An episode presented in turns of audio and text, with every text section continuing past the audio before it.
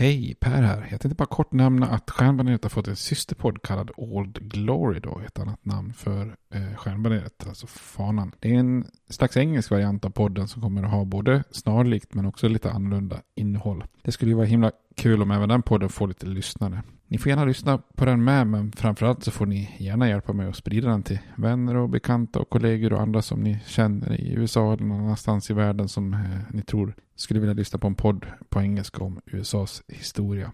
Tack, det var bara det jag ville säga. Nu kommer avsnittet. Hej då! A lot can happen in the next three years.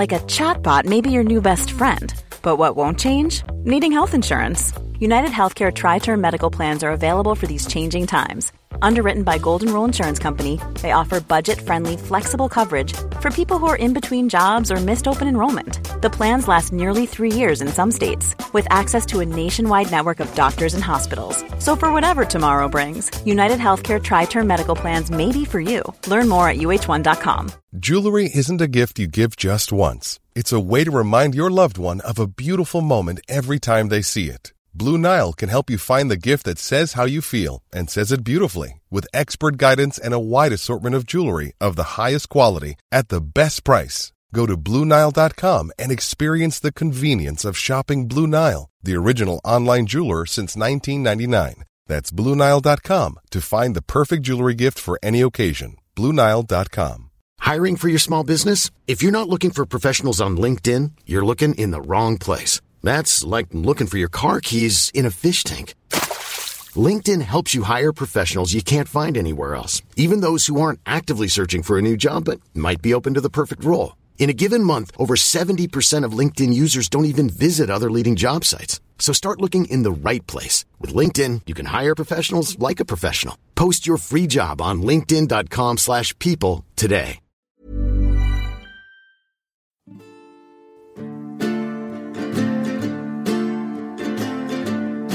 We hold these truths to be self-evident, that all men are created equal, that they are endowed by their Creator with certain unalienable rights, that among these are life, liberty, and the pursuit of happiness. Now we are engaged in a great civil war, testing that government of the people, by the people, for the people, shall not perish from the earth. And so, my fellow Americans, ask not what your country can do for you. Ask what you can do for your country. I have a dream. My four little children will one day live in a nation where they will not be judged by the color of their skin, but by the content of their character. Mr. Gorbachev, tear down this wall. I did not have sexual relations with that woman, Miss Lewinsky. Hej och välkomna till Stjärnbaneret, en podcast om USAs historia. Eh, där jag tänkte idag att vi ska fortsätta med vår översiktsserie. Och eh, vi börjar så sakteliga eh, börja närma oss 1900-talet här. Och kommer att avsluta lite grann med en hel del utrikespolitik och lite krig och lite imperialism och kolonialism och lite sådana saker. Eh, I, första, eller I förra avsnittet i översiktsserien så pratade vi om det här turbulenta 1890-talet, alltså den tiden som innehöll väldigt mycket våldsamma arbetaruppror och jordbruksrevolt och de här populisterna som eh, utmanade de här etablerade partierna. Vi såg också att det var en slutlig uppgörelse i den här envisa frågan om huruvida man ska använda guld eller silver i, i valutan. Eh, och en orsak till att den här lite mer då inhemska scenen lugnar ner sig lite grann i mitten av 1890-talet eh, är ju också att landet börjar blicka utåt. Eh, man kan säga att US USA tar sina första steg till att bli en världsmakt och, och ett imperium då med egna kolonier utanför det kontinentala USA. Eh, och den här utvecklingen accelererar rejält i och med det så kallade spansk-amerikanska kriget. Eh, och det tänkte jag att vi skulle prata om idag. Innan vi hoppar till det då så eh, sa jag att ni skulle försöka få tag på en eh, engelsk eh, strong eller premium bitter eller extra special bitter som eh, ju är en eh, härlig öltyp som man kan sitta och eh, sippa på när man lyssnar på podd eller, eller om man har trevligt på något annat sätt. Eh, vi har ju redan pratat om den här ölstilens lite svagare småbröder kan man säga då, Ordinary och Best Bitter och nu är vi uppe då på den starkaste brittiska eh, bitten. Eh, det betyder inte att den är jättestark i, i dagens ölvärld utan oftast någonstans då kanske mellan 5 och 6 volymprocent. Eh, smakmässigt är den ju väldigt lik de här andra bitterölen men ja, lite kraftigare då. Eh, alltså lite bärnstenskoppar i färgen, eh, karaktär av engelsk humle då, eh, sorter som East Kent Golding, Fuggles, Challenger. Eh, men det är också där att man låter malten eh, bidra med en hel del brödiga, knäckiga toner. Eh, och, ah, det går knappt att beskriva en sån här öl utan att bli törstig då. Eh, Eh, om man säger i, i hemlandet, eh, alltså den här ölens ursprungsland, så går de ofta under beteckningen då strong bitter eller pre, premium bitter. Men sen har vi då ett känt bryggeri i London, Fullers, som eh, började kallas inför då extra special bitter. Eh, och då har många hantverksbryggerier, både i USA och Sverige, valt att kalla sina för det också då, förkortat till ESB, vilket ju ja, klingar snyggt lite så här bland eh, ölförkortningar i största allmänhet. Om vi har IPA och vi har APA och vi har ESB så, så, finns det sådana bokstavskombinationer.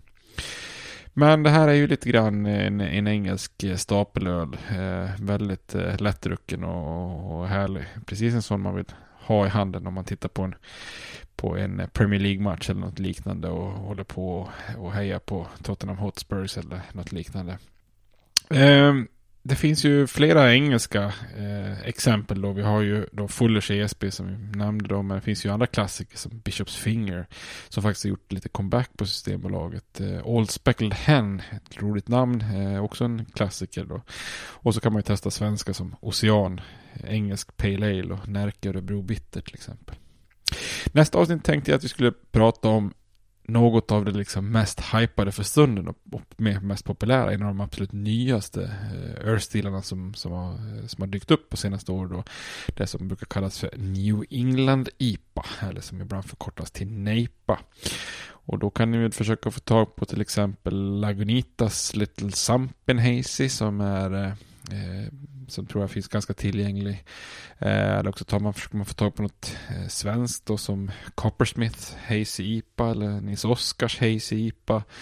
Eller kanske Stigbergets Amazing Haze IPA. Det finns några olika att välja på. Men ser man att de heter någonting med NAPA. eller Hazy IPAC, vi kommer komma in på det varför den heter så, så kan man greppa en sån, eh, en sån öl. Och bli inte rädda, eh, lite spoiler alert, men det ser, ut som, det ser nästan ut som man, man dricker apelsinjuice.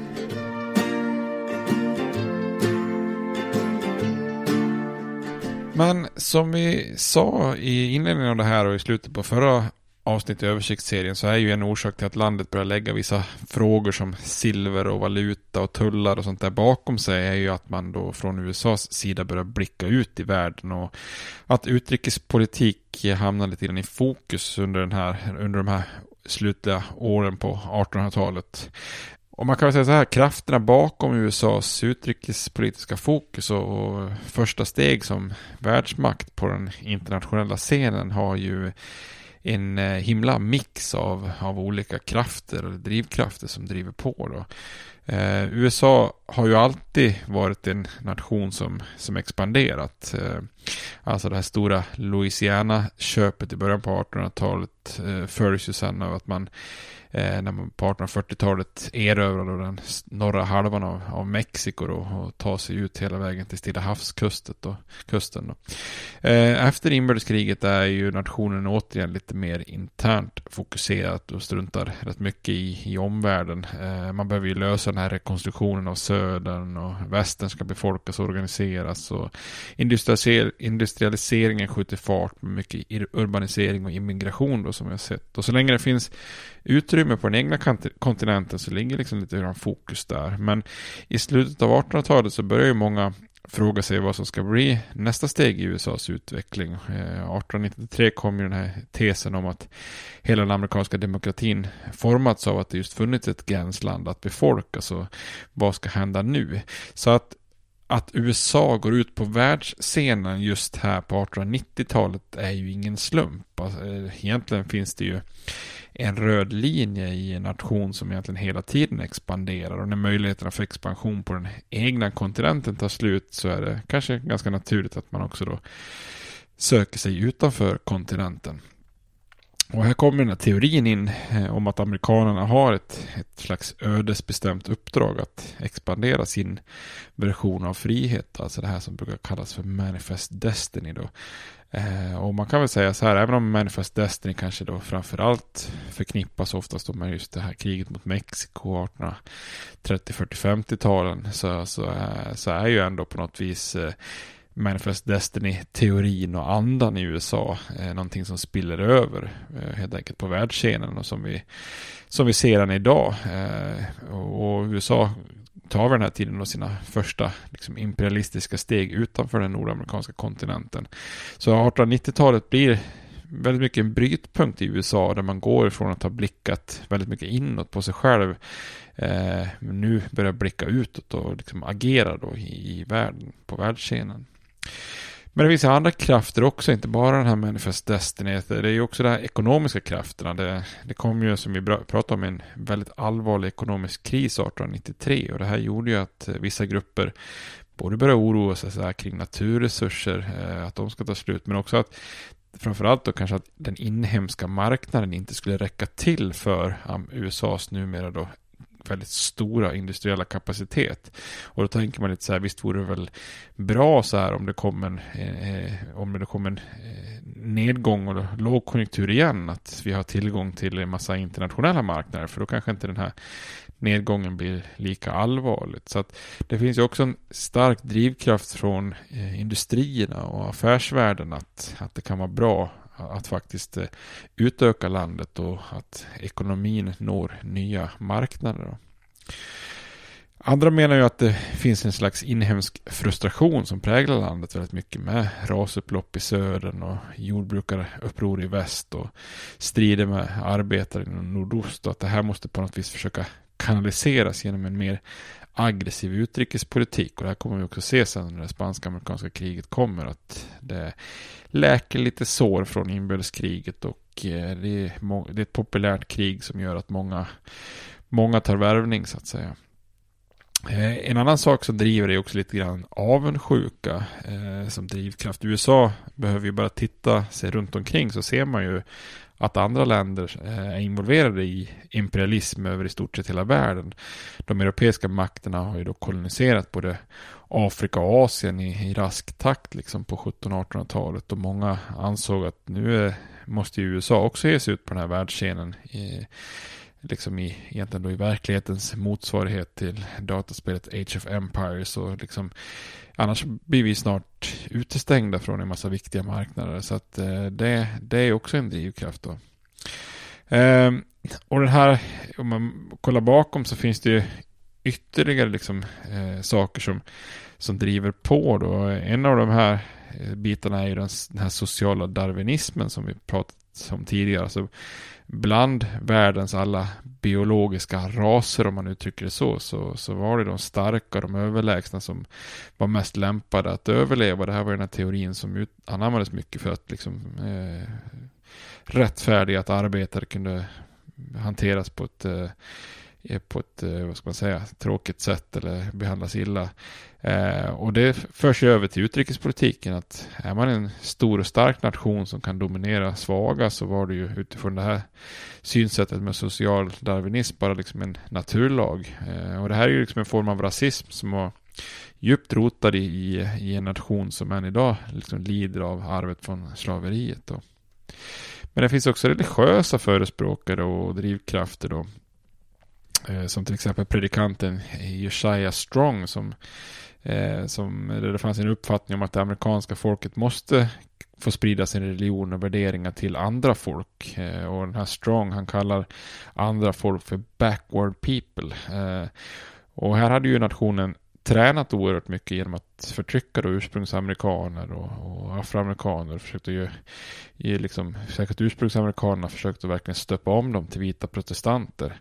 Eh, och det fanns ju då optimistiska religiösa grupper som trodde att hela världen skulle kunna konverteras till, till goda protestanter på bara någon generation. Att en sån här mission kanske också skulle kunna påskynda dagen då, då Kristus återvände vad säger man, Återvänder till jorden. Återvänder? ja jag vet inte. Jag är inte eh, så himla religiöst lagt, lagd. Eh, en viktig aspekt av just det här Manifest Destiny är ju också det här med att faktiskt att, att Gud har gett amerikanerna det här uppdraget att expandera som ett heligt uppdrag. Då. Eh, och det slår an hos väldigt många predikanter i USA. Då.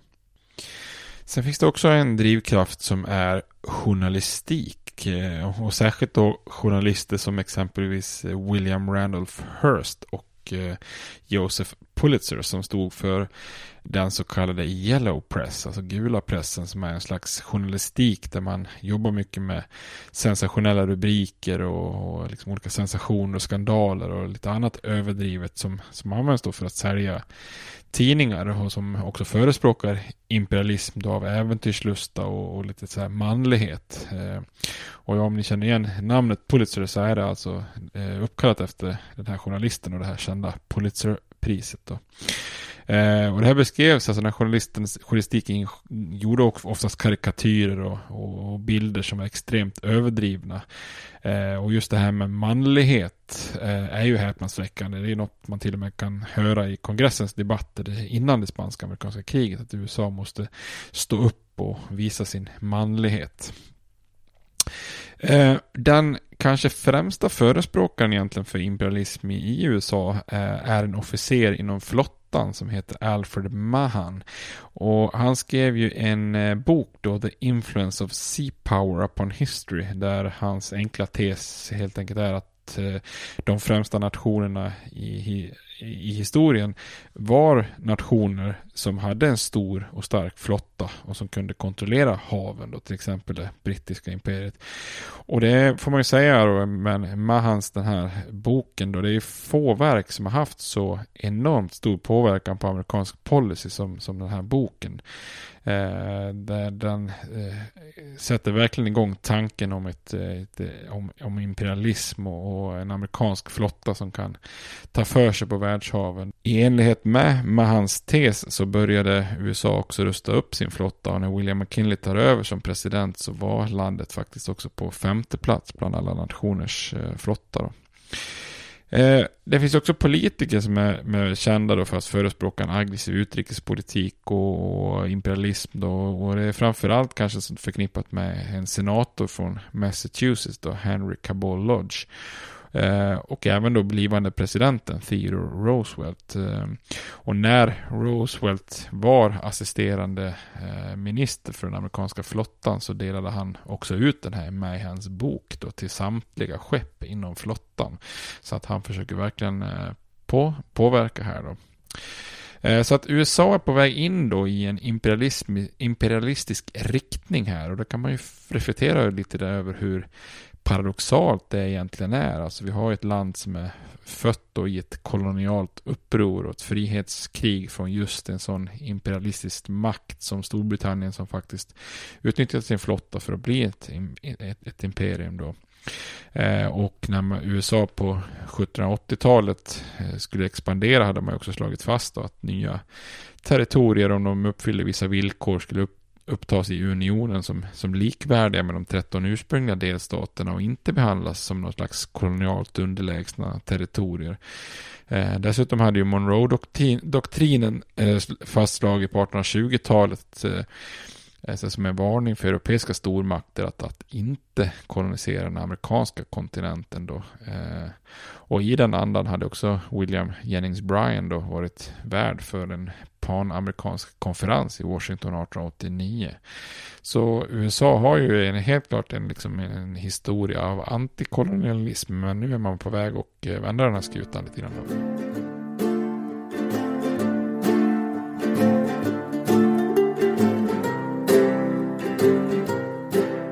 En av de första att driva en lite mer offensiv utrikespolitik det var faktiskt Lincolns gamla utrikesminister William Seward som också tjänstgjorde som utrikesminister under Andrew Johnsons presidentskap.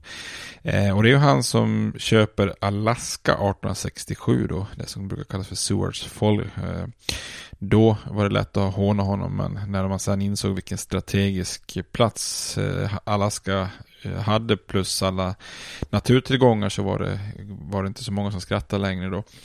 Eh, men det är också Seward som, som ser till att USA annekterar Midwayöarna i Stilla havet samma år. Och det här sätter han lite grann av en tradition då, för det här blir ju långt ifrån den sista Stilla havsön som USA annekterar. Eh, I slutet av 1800-talet så börjar man ännu tydligare då skymta en ny utrikespolitik och ett expansivt USA. USA är involverat i ett antal diplomatiska kriser då. Den amerikanska flottan höll till exempel nästan på att starta ett eh, krig eh, mot den tyska eh, flottan vid Samoa, en ö då i Stilla havet. Så officiellt når man en uppgörelse 1899 där man delar ön då i en tysk halva som senare blev en självständig republik och en amerikansk halva som fortfarande idag tillhör USA som det amerikanska Samoa. Eh, 1892 så dödas två amerikanska sjömän i den chilensiska staden Valparaiso eh, och eh, USA ställer krav på Chile om, om att be om ursäkt, ursäkt och det här håller nästan på att spåra ur då och sluta ett krig med Chile. Men Chile hade ju också en väldigt modern flotta och risken för att den skulle börja dyka upp på Kaliforniens kust gjorde att man försökte förhandla ur sig det här till slut då. Eh, USA hamnar också i en allvarlig dispyt med, med, med sin gamla ärkefiende då, Storbritannien. Eh, och det handlar om ett djungelområde mellan brittiska Guyana och eh, Venezuela. Eh, som länge hade varit lite så här, ska man säga, slumrande gränstvist då. Men naturligtvis förändras allt det här när man hittar guld i området 1895. Då blir den här konflikten mer akut då. Och president Clevelands utrikesminister lyckas dra in USA i den här konflikten genom att påminna britterna om Monroe-doktrinen och lite bryskt berätta att det var Uncle Sam som faktiskt styrde i Amerika. Eh, britterna är ju föga imponerade av det här och lät ju meddela att USA inte hade det minsta med den här konflikten att göra då. Och Cleveland som var känd för att vara ganska bestämd och oböjlig, han skickade då ett så kallat eh, special, special message, alltså eh, specialmeddelande, eller vad man ska säga, till kongressen då, om att få budgetmedel för en kommission av experter som kan dra upp en gräns mellan länderna. Och om inte Storbritannien accepterar det här, ja då skulle USA vara villiga att strida för saken. Så helt plötsligt verkar det som att USA och Storbritannien är nära ett tredje krig då, utöver frihetskriget och kriget 1812. Men lite så här lugnare personer på båda sidor om Atlanten lyckas avstyra den här konflikten i bland annat i Storbritannien så är man inte så supersugen på, på ett krig med USA och samtidigt som man lite grann utmanas i Europa av kejsar Wilhelms Tyskland samtidigt är på väg eh, är man på väg in då i ett krig i Sydafrika mot eh, holländska ättlingar i det så kallade boerkriget då. Så man eh, vill av, avstyra det här. Och tack vare detta tog ju britterna då initiativ till en ny era av vänskap mellan Storbritannien och USA då som ibland brukar kallas Great Rapproachment. Alltså den stora återföreningen, vad man ska kalla det för. Då. Eh, och eh, här kan man ju säga då att den amerikanska hållningen eh, som man brukar sagt då att twist, twisting the lion's tail. Så att, eh, att man liksom då lite varsamt har försökt att bara hålla i den brittiska lejonets svans nu eh, för att undvika att Storbritannien Eh, blir ilskna eh, nu kan då ersättas av den brittiska hållningen som man brukar säga patting the eagle's head, klappa på örnens huvud. Alltså att eh, nu inser britterna att USA håller på att bli mäktigt så att nu vill man hålla sig väl med, med sin forna, sina forna kolonier så att säga.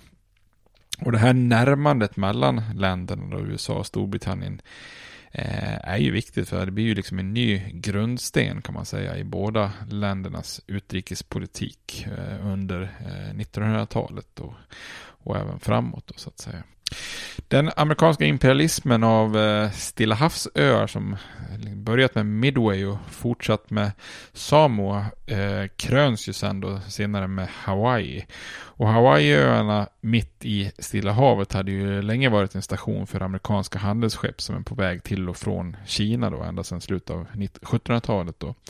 Eh, när de första amerikanska skeppen anlände vid den tiden så fanns det en ursprungsbefolkning på runt en miljon på de här öarna. Eh, ganska spridd och efter år av interna strider så är det en då hövding som har tagit den övergripande makten som kung över hela Hawaii runt 1810 då. Och den här kungen av Hawaii började då välkomna amerikaner eh, och från den tiden började då amerikanska först predikanter bosätta sig för att konvertera befolkningen till kristendom då.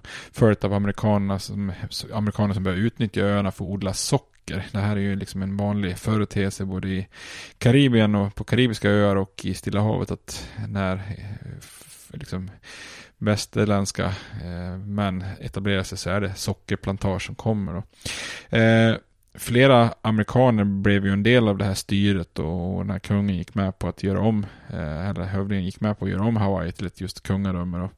Eh, USA började ju sen på mitten av 1800-talet att stärka sitt grepp om de här öarna och börja varna andra världsmakter från att lägga sig i.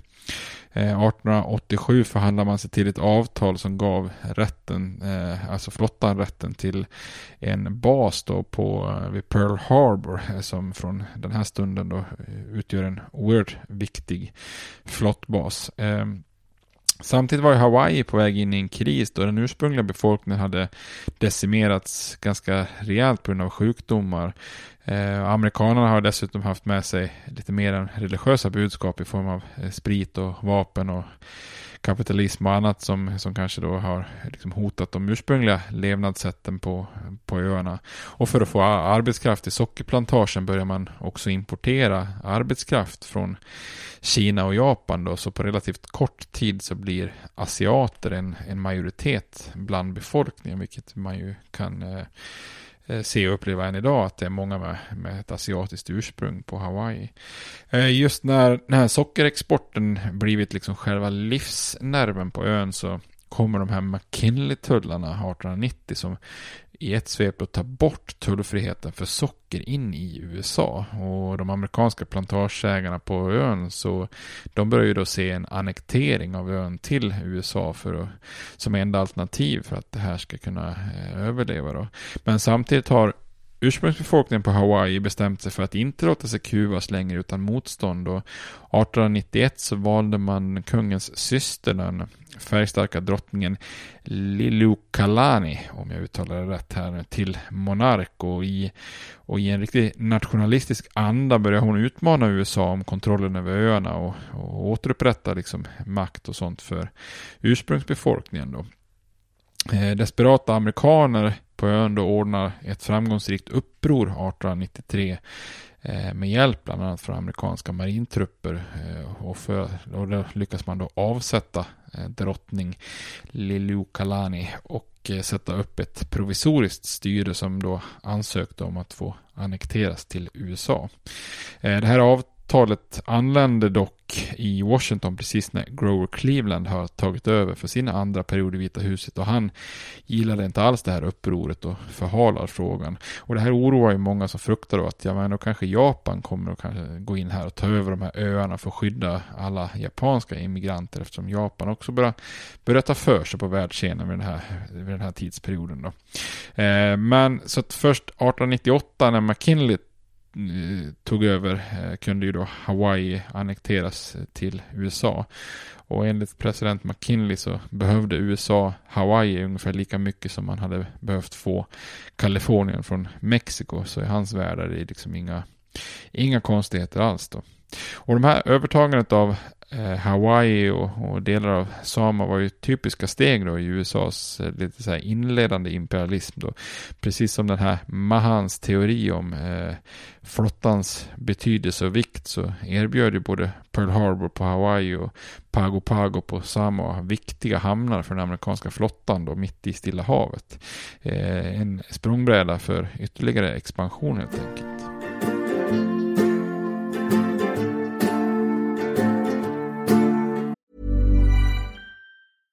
Selling a little or a lot?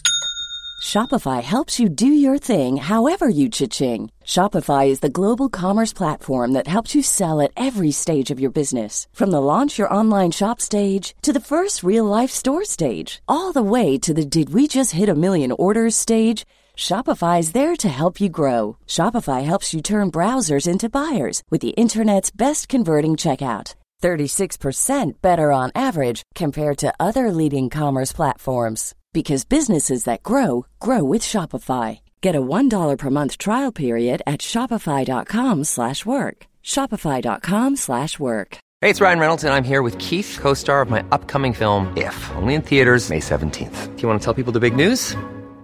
All right, I'll do. Sign up now and you'll get unlimited for $15 a month in six months of Paramount Plus Essential Plan on us. Mintmobile.com slash switch. Upfront payment of $45 equivalent to $15 per month. Unlimited over 40 gigabytes per month. Face lower speeds. Videos at 480p. Active Mint customers by 531.24 get six months of Paramount Plus Essential Plan. Auto renews after six months. Offer ends May 31st, 2024. Separate Paramount Plus registration required. Terms and conditions apply if rated PG.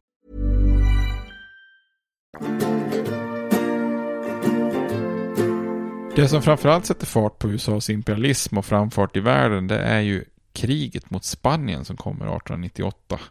Eh, och eh, bakgrunden till det är ju eh, USAs relation med Kuba. Och ja, USA har ju, har ju, förhållandet till Kuba har ju alltid varit problematiskt för USA, både då som nu. Då.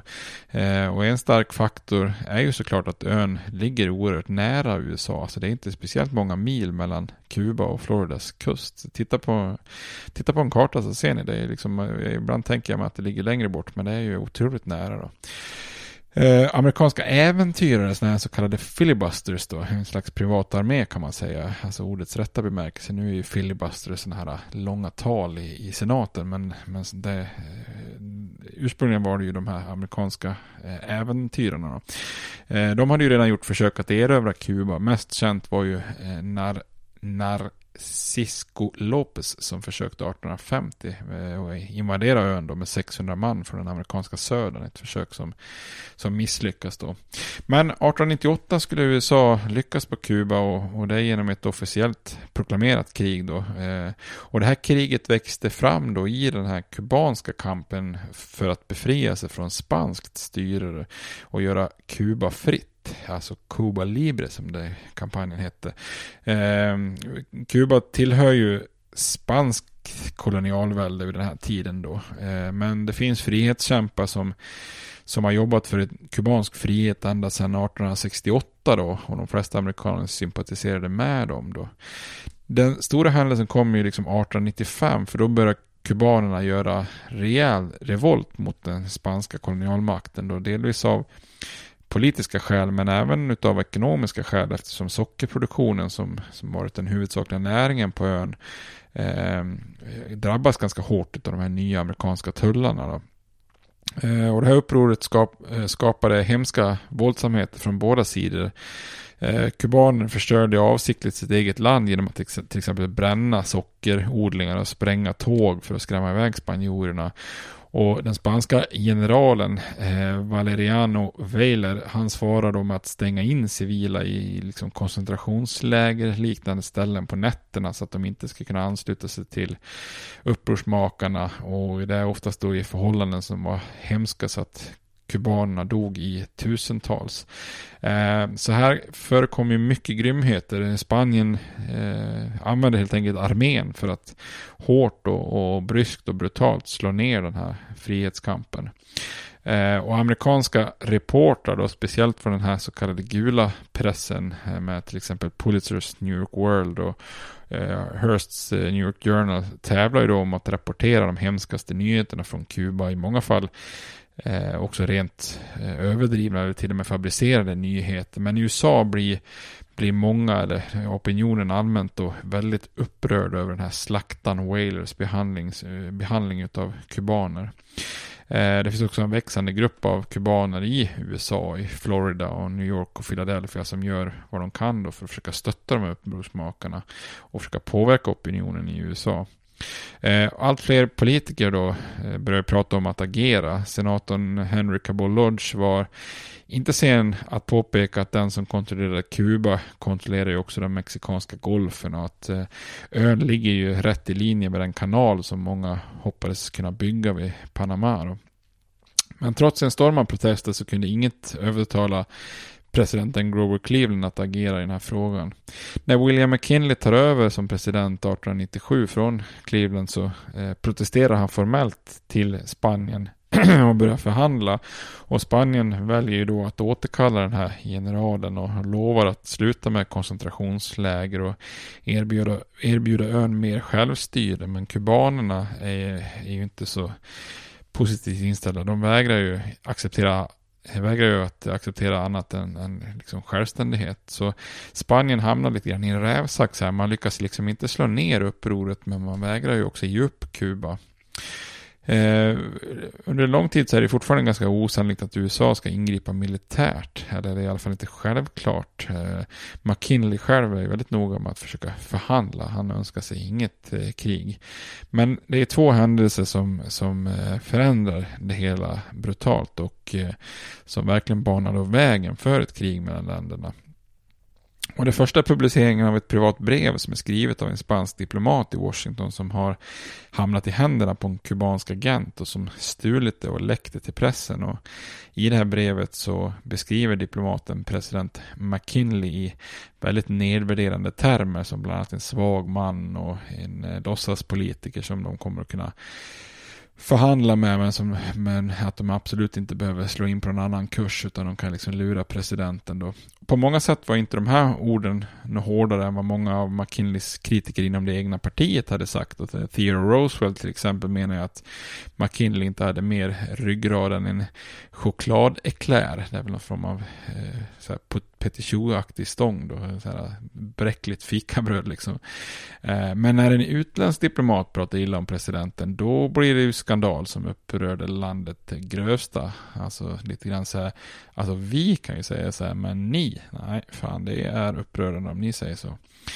Eh, och ilskan över det här breven hinner ju inte heller lägga sig riktigt förrän nästa händelse inträffar. Eh, och det är det amerikanska slagskeppet Maine, eh, ett av de lite nyare skeppen som offic är officiellt på ett artighetsbesök i Havannas hamn men, men är ju ditskickat redo för att evakuera amerikaner om någonting skulle hända. Då. Men det här skeppet Maine sprängs mystiskt den 15 februari och 260 man ombord dödas. Då. Eh, befälhavaren på Maine som var en av de få, 80, en av de få 84 som överlever den här sprängningen menar att äh, nu behöver vi utreda det här innan vi drar för förhastade slutsatser. Eh, men det amerikanska folkets dom har ju kommit snabbt de allra flesta antar att det måste ju vara spanjorerna som har sprängt skeppet. Då. Assisterande flottministern Theodore Roosevelt gick i väldigt snabbt ut med budskapet att sänkningen av det här skeppet är ju liksom ett riktigt smutsigt trick från eh, spanjorerna då. En lite hastig och tveksam utredning kommer, kommer snabbt och fram också att det är en extern mina som lett till explosionen av skeppets ammunitionsförråd. Och, eh, man hittar absolut inga tydliga konkreta bevis men pressen behövde ju inte egentligen några bevis utan man sätter ju direkt krig, krigsrubriker som Remember the Main. Eh, en omfattande utredning faktiskt långt senare, 1976, slog ju också fast att, att Mains explosion var en olycka som orsakats av att, av att en eld från kolförrådet sprider sig ombord. Och och det är lite sent om sidor, ganska många år efteråt då. Men det är också lite typiskt för de här nya moderna stålskeppen. Alltså de gjordes ganska snabbt större med rejäla stålkonstruktioner då för att bli imponerande. Men utvecklingen i övrigt hängde inte riktigt med och de var oftast ganska sårbara på insidan. Så att eh, det, det är kanske inte så konstigt att det var kolförrådet som, som spräng, sprängdes liksom. Men krigsfebern sveper ju över landet och, och, och hårt kritiserad av, kritiserad av politiker som Lodge och Roosevelt så var ju president McKinley väldigt hårt pressad. Han ville inte ha ett krig egentligen men samtidigt ville han få bort Spanien från Kuba och helst eh, och, och helst inte ha ett helt självständigt Kuba då. Eh, och hans beslutsångest gjorde att han till och med under en period tog eh, sömnpiller här. Han var väldigt stressad under den här perioden. Den amerikanska diplomaten i Madrid är ju övertygad om att den spanska regeringen efter den här main-incidenten var villig att gå i förhandling, gå med på nästan vilka villkor som helst eh, som McKinley än kunde lägga fram då. Eh, vare sig det handlar om ett självständigt Kuba eller en annektering av Kuba till USA och så vidare. Men det här meddelandet hinner inte riktigt fram i tid för till slut så har ju McKinley till slut bugat sig för opinionen och trycket inom sitt parti för att inte verka helt obeslutsam. Då. Och så han efterfrågar en krigsförklaring från kongressen och får den den 25 april 1898. Eh, och därmed så har ju USA fått det krig som många amerikaner önskade sig. Då.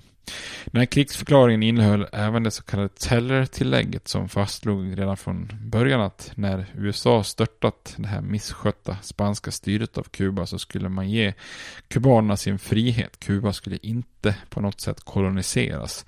Eh, och här försöker USA liksom göra ett statement här att USA är bättre moraliskt än, än andra imperialistiska makter. Eh, det här Teller-tillägget fick ju imperialistiska veteraner i Europa att le lite hånfullt och skeptiskt och som vi kommer att se sen så, så får de ju rätt i en hel del aspekter här att USA är på väg in i, i en fas av, som kolonialmakt som inte alltid är så lätt att hantera med olika uppror på, på halsen.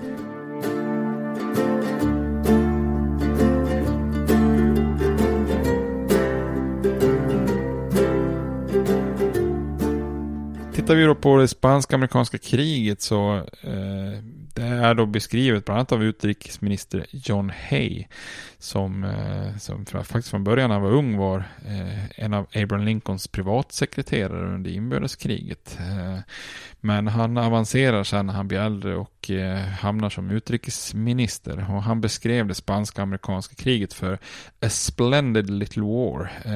Och det här var ju en beskrivning som de allra flesta amerikaner kunde skriva under på då, ja, möjligtvis förutom de tusentals män som dog kanske. Men det blir ett väldigt kort krig, alltså det, det startar i april och är över i augusti samma år. Så det är alltså 114 dagar långt. Så det är inte något jättelångt krig då. Eh, och den absolut första och kanske viktigaste amerikanska segern över Spanien i kriget kom, kommer inte på Kuba. Kommer liksom inte ens i närheten av Kuba utan nästan snarare så långt ifrån Kuba man nästan kan komma höll jag på att säga. Eh, och det är då, initiativet kommer från Theodore Roosevelt som ju då var assisterande flottminister. Och när flottans ordinarie minister var frånvarande så, så kunde Rose, Roosevelt som var en rejäl krigshetsare och imperialistisk förkämpe agera då.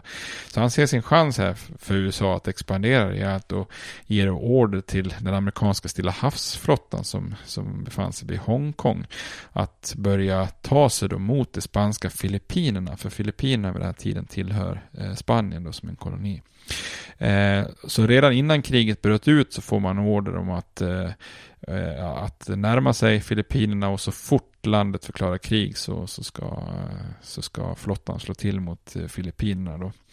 Eh, så redan den första maj 1898 när kriget har brutit ut så kan befälhavaren för den här flottan då George Dewey Eh, leda flottan in i Manillas hamn och snabbt förstöra spanska skepp där och tvinga de spanska myndigheterna att ge upp utan att han själv faktiskt förlorat en enda man. Eh, så Dewey blir ju krigets eh, första hjälte, eller jag, jag ska, ska, inte säga så, jag tror faktiskt att det var att de hade en man i förlust, men att det visade sig att den, den stackaren fick ju hjärtinfarkt när han skövlade kol in i en av skeppets motorer, eller något liknande i alla fall.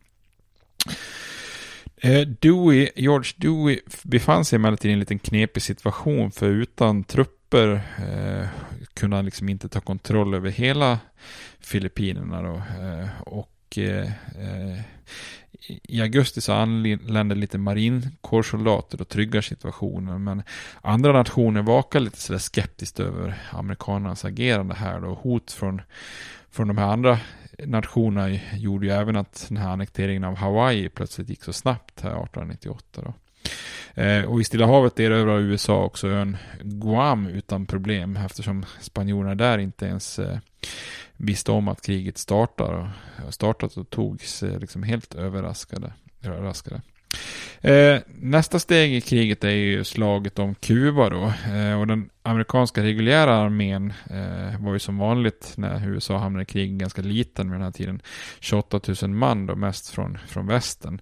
Eh, resten blir ju då frivilliga eller milistrupper i form av delstaternas nationalgarden då.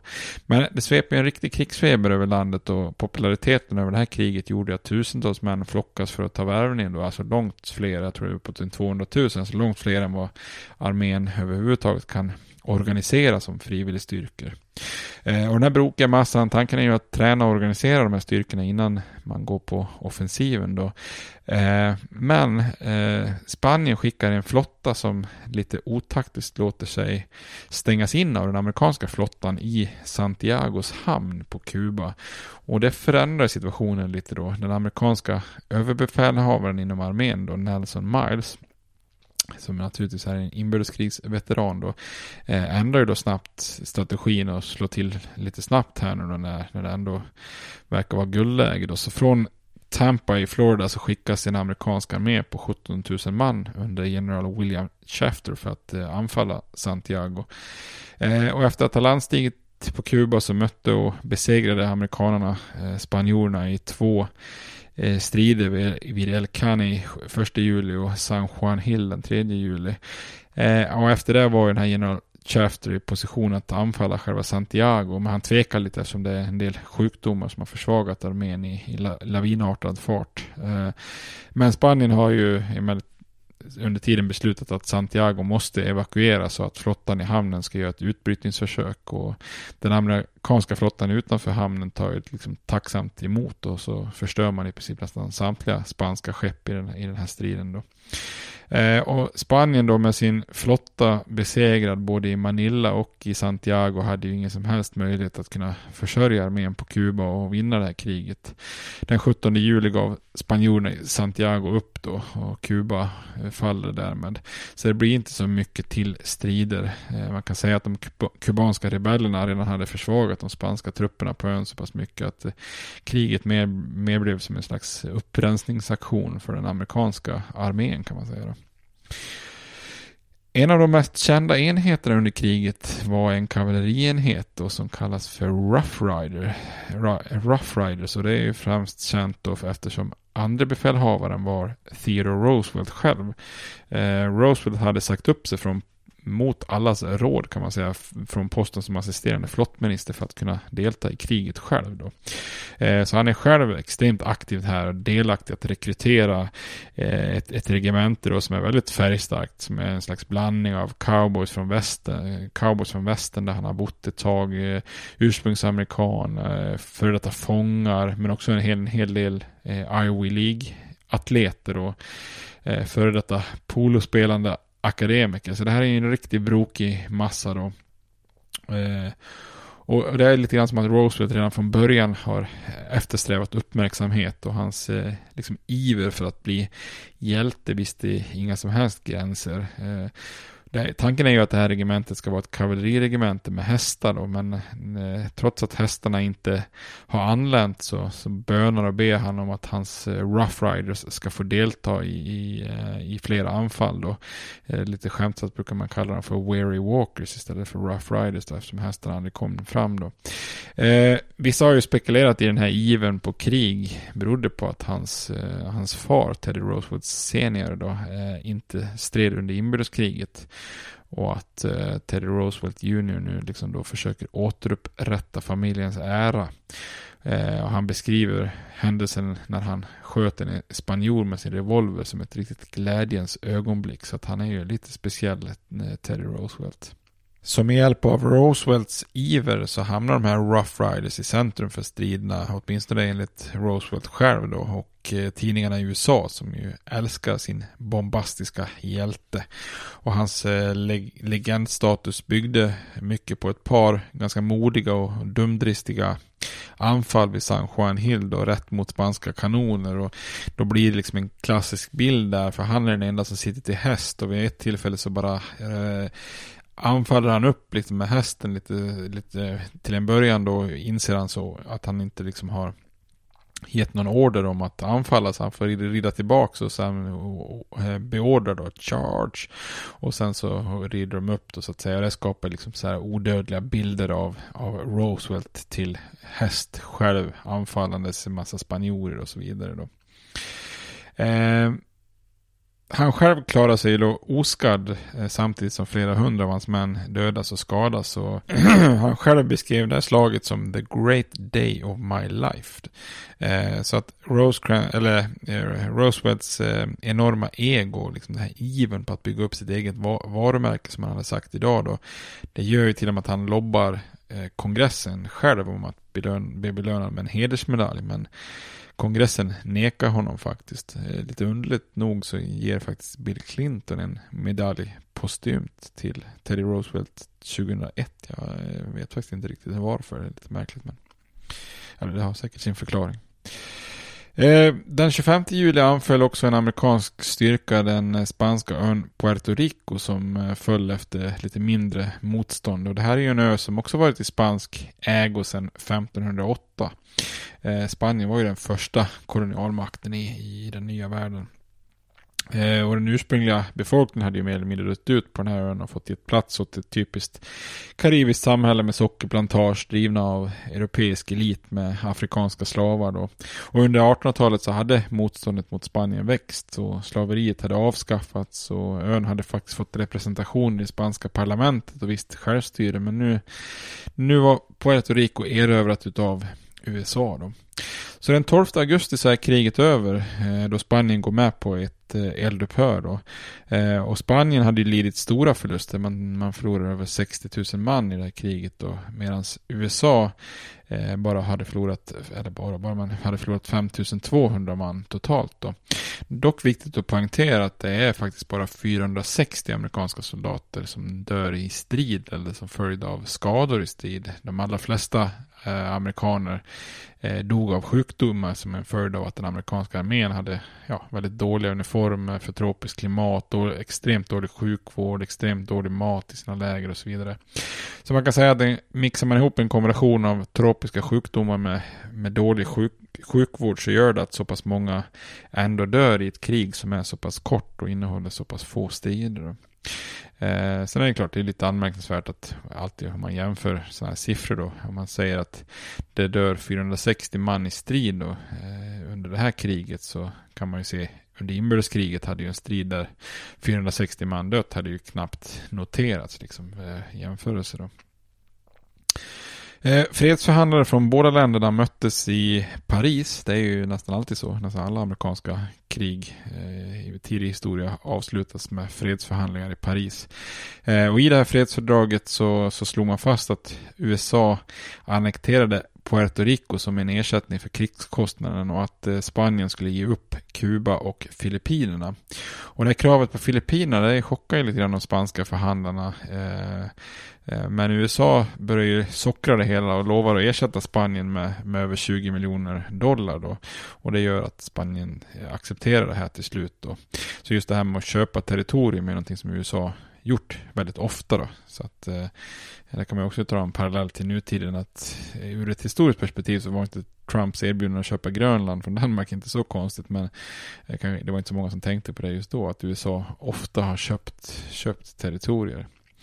Eh, men freden, med freden här då hade ju USA blivit ett begynnande imperium. Som vi ser så hade man i slutet av 1800-talet tagit de första trevande stegen till att bli en världsmakt. Och öar i Stilla havet, bland annat Hawaii, hade annekterats och man hade börjat visa tänderna mot andra världsmakter och satt hårt mot hårt i vissa konflikter och framförallt då så hade man ju krigat mot Spanien och tagit över områden som Kuba och Puerto Rico och Filippinerna.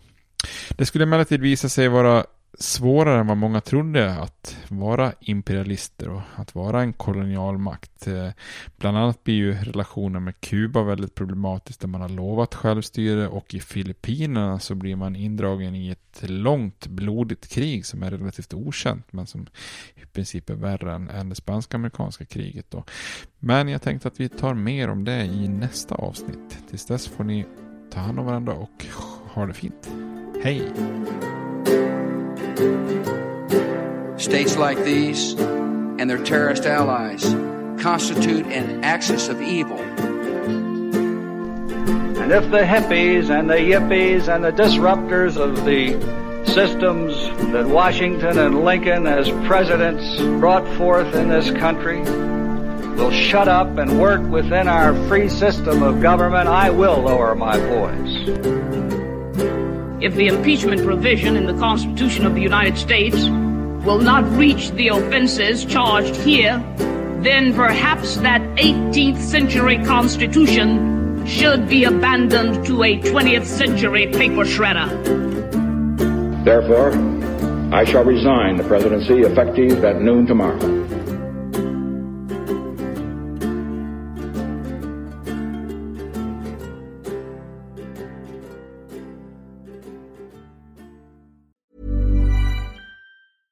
Hey, it's Danny Pellegrino from Everything Iconic. Ready to upgrade your style game without blowing your budget? Check out Quince. They've got all the good stuff shirts and polos, activewear, and fine leather goods, all at 50 to 80% less than other high end brands. And the best part?